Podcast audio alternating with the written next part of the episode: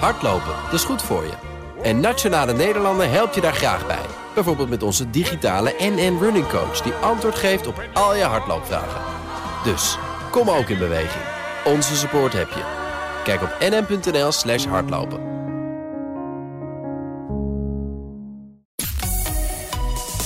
BNR Nieuwsradio.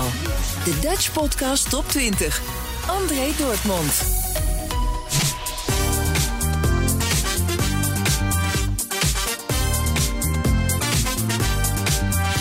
Welkom, leuk dat jij er ook weer bij bent. En dit is aflevering 13 van de eerste jaargang. Dit zijn ze, de 20 best beluisterde podcasts in Nederland van de afgelopen week. En ik zal je de highlights van de lijst laten horen. De lijst is samengesteld door middel van de luisterdata van BNR Nieuwsradio, Spotify en Apple Podcast. Dit is de Dutch Podcast Top 20 van 2 april 2021. Met straks de tip van de redactie, Planet Money, Paul de Leeuw lult, cocaïnekoorts en wie staat er deze week op nummer 1? Nou, dat horen we zo meteen. Op nummer 20, De Petrolheads, een podcast over auto's. Van Bas van Werven en Carlo Bransen. Bas heeft een cabrio gekocht, vandaar de titel van de podcast. Rijden is een straf met het dak eraf. Zou zomaar kunnen dat Carlo een tikkie jaloers is. Nummer 19, Paul de Leeuw lult. Er staan vier afleveringen online en hij scoort al lekker goed. Aflevering 4. Paul is al een tijdje geleden jarig geweest en vraagt aan zijn moeder wat ze nog weet van zijn geboorte en hoe laat kwam hij eigenlijk ter wereld. Van een zondag op maandag ben je geboren. Plus minus kwart over één. Dus echt begin van de, na- van de dag van 26 maart. Ja, van 26 maart. De dag was net begonnen en toen ben jij geboren. En was je al op 25 maart had je ontsluiting en lag in het ziekenhuis.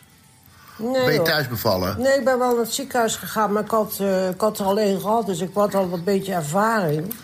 Dus ik ben niet te vroeg naar het ziekenhuis gegaan, want ze leggen je toch op bed en je moet erop blijven liggen tot dat kind geboren is. Ik denk, hoe later ik ga, hoe eerder of ik van de bed af mag. Maar je was eigenlijk een heel gemakkelijk kind, je bent heel gemakkelijk geboren. Vloepte ik er zo uit. Gelijk, en me zei, godverdomme, is dit de wereld waar ik op terecht kom? En was ik een huil, huilde ik gelijk? Helemaal niet. Jij had, was helemaal geen huilbaby als jij er maar op tijdje... Want je hebt eerst zes weken borstvoeding gehad. Nou, je groeide als bloemkool. Ik dacht, nou, dat gaat veel te hard met een kind. Ik bind dat hele zootje bij me op en dan kan hij geen borstvoeding meer krijgen. Dus hij gaat lekker aan de fles. Maar je bleef maar groeien, groeien. Dus je was negen maanden en toen stond je al op een karnemelkdieetje. Want ik vond dat je veel te hard groeide. Karnemelk dieetje. Ja, anders kreeg kreeg je volle melk. En toen in die tijd, hè. In 62 had je al eh, kindervoeding op eh ja, karnemelk en halfvolle melk. Dus dat heb je toen gehad, maar dat, dat bleef gaan bij jou, dat groeien. En Ja, het is meer ook opgehouden, het is nooit nooit gestopt. Nog steeds zo, ja. En verder was, ik, was, ik, was ik snel zindelijk. Nee, dat niet. Je had een hekel om op het potje te gaan. Maar achteraf denk ik dus dat je altijd last hebt gehad van een beetje te harde ontlasting. Ja, dat is goed om te weten. Nou, nummer 19, Paul de Leeuw lult. Een hele vermakelijke podcast, moet je echt even gaan luisteren. Nummer 18, de Universiteit van Nederland. De beste wetenschappers geven antwoord op spraakmakende vragen. Zo leer je in 15 minuten over donkere materie tot waar het geld vandaan komt. Alles komt dus voorbij. Nummer 17, de aflevering Positie Rutte, functie elders van Nieuwsroom Den Haag. Thomas van Groningen, Sophie van Leeuwen, Mark Beekhuis en de avondklok. Het allerbelangrijkste nieuws van deze week. En straks gaan we het ook hebben over de formatie natuurlijk. Maar eerst nog even de avondklok, eh, Thomas. Oh, dat vond Nou jij ja, het belangrijkste is- nieuws. Nou, dat is Nou, toch het allerbelangrijkste nieuws. Daar heeft iedereen in heel Nederland elke dag mee te maken. Kijk, we hebben vorige week gezien dat eh eh Sigrid Kaag op alle voorpagina's stond dansend op een tafel en het nieuwe leiderschap had gewonnen.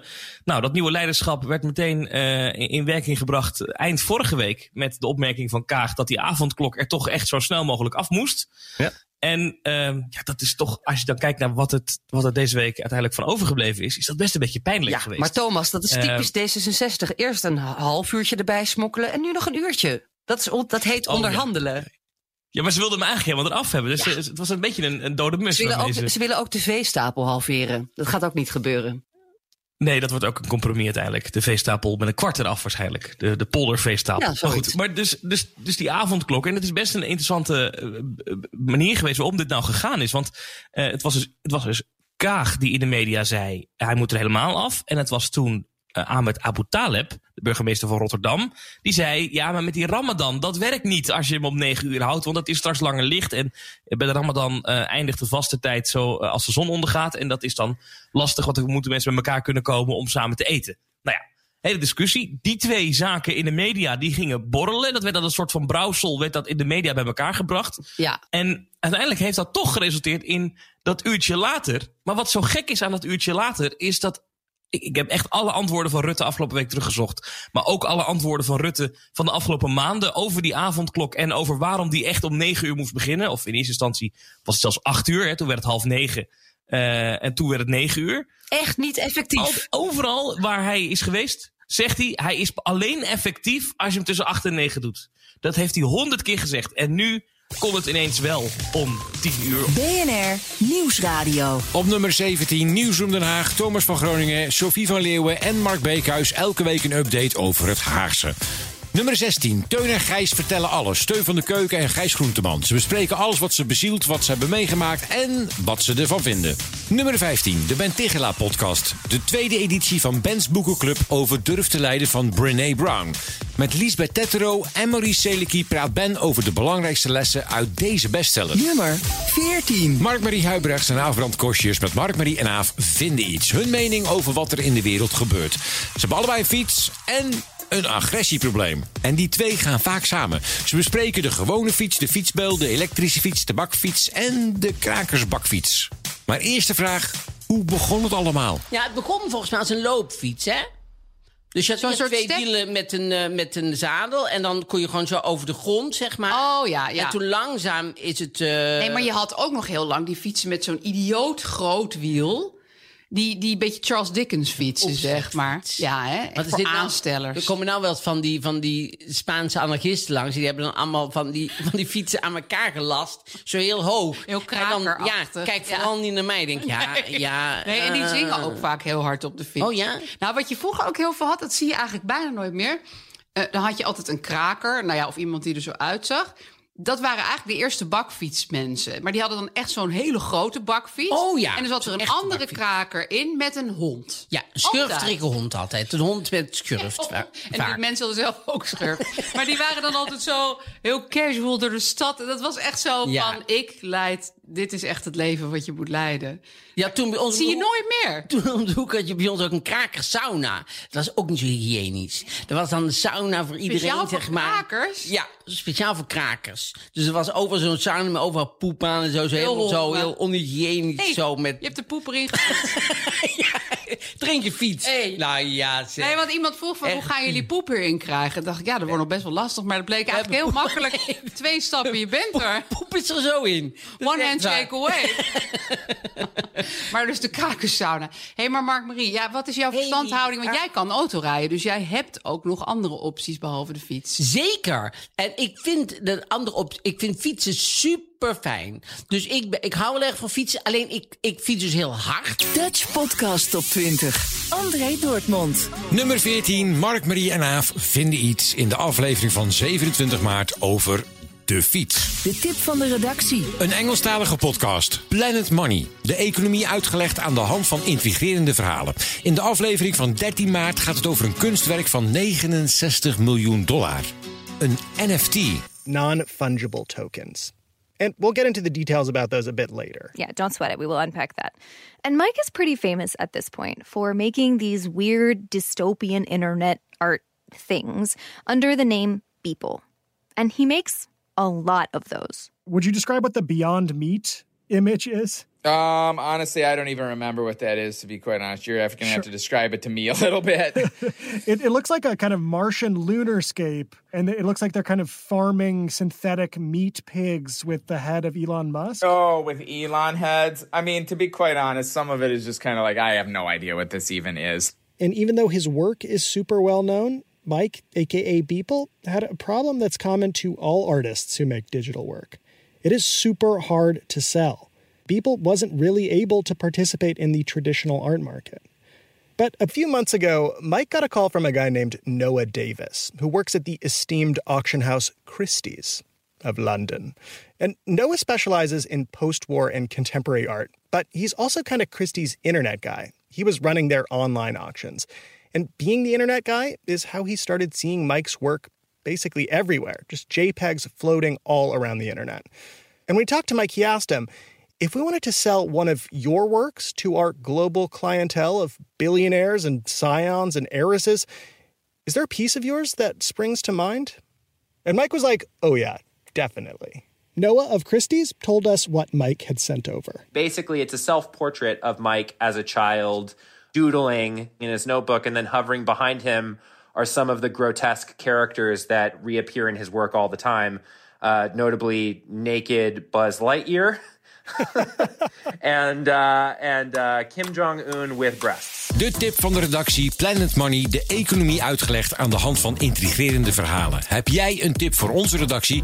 Mail hem dan even door. Dutchpodcast op 20.bnr.nl. Als het een leuke tip is, laat ik hem horen aan de rest van Nederland. Nummer 13, de Joe Rogan Experience van comedian Joe Rogan. Joe praat deze week met Dan Gable. Die heeft een Olympisch gouden medaille verdiend met worstelen en is ook coach.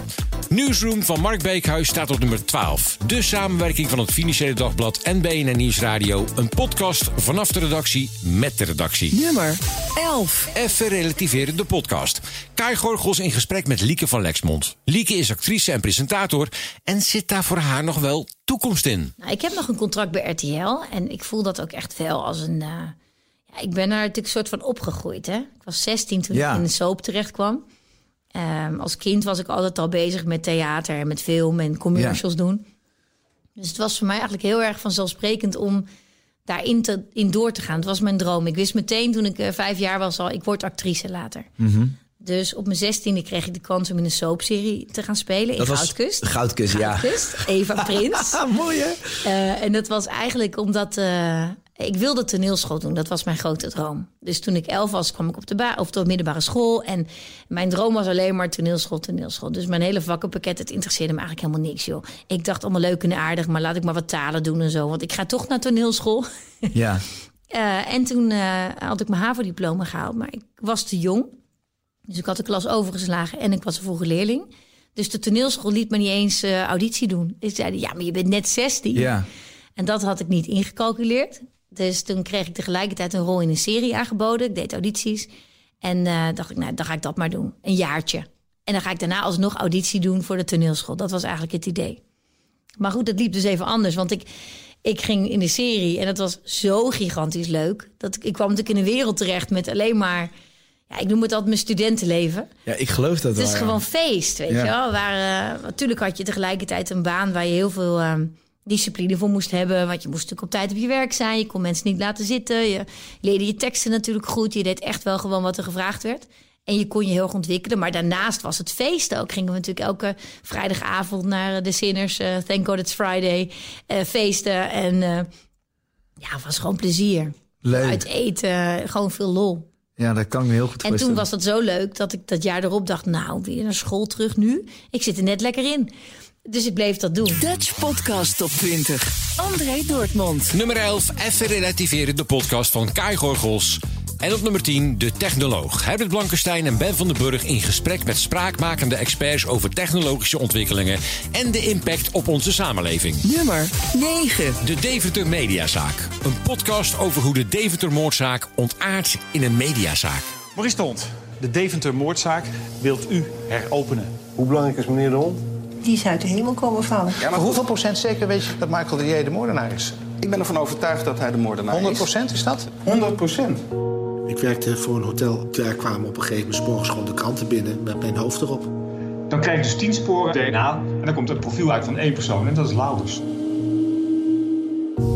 Het is eind 2005.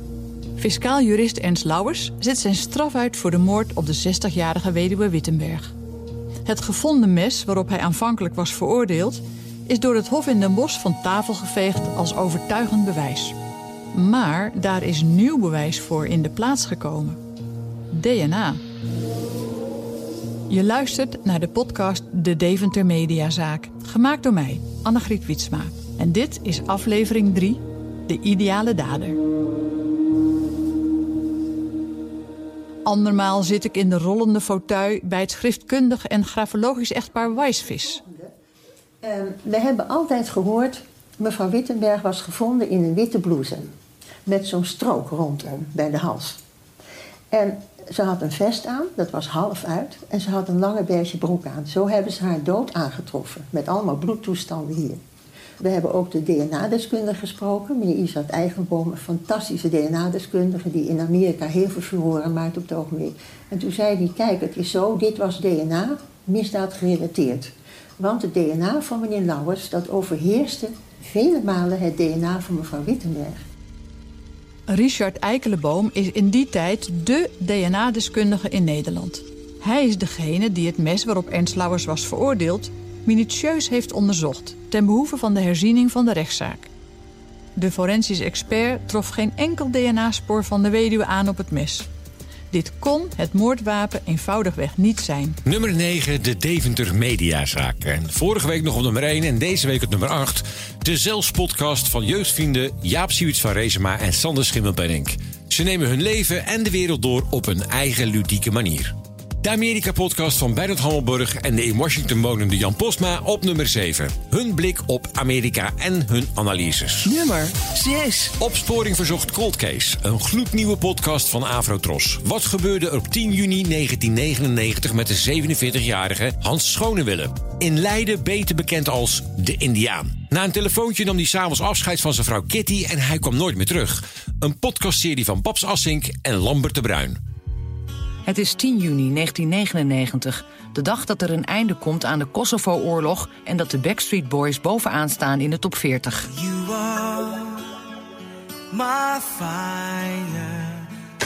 Het is ook de dag dat de 47-jarige Hans Schonewille in Leiden, bekend als de Indiaan, voor het laatst levend wordt gezien. De Indiaan zat in de horeca, gokautomaten, schimmige handeltjes en de illegale lotto een bekend figuur in de Leidse onderwereld. Hij gaat op die 10 juni, hartje zomer, s'avonds laat naar een afspraak en komt nooit meer thuis. Wie was Hans Schonewille en waarom moest hij dood?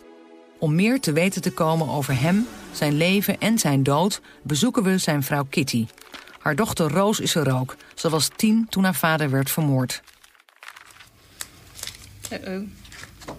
Want dit is jullie trouwalbum? Dit is het trouwalbum. Ik mocht niet uh, in een uh, linnen jurkje met uh, witte kisten trouwen. Dus dan ga ik toch in zwart? Nou, zegt hij, dan doe je dat toch. Dus dat heb ik ook gedaan. En hij wilde per se een, een smoking.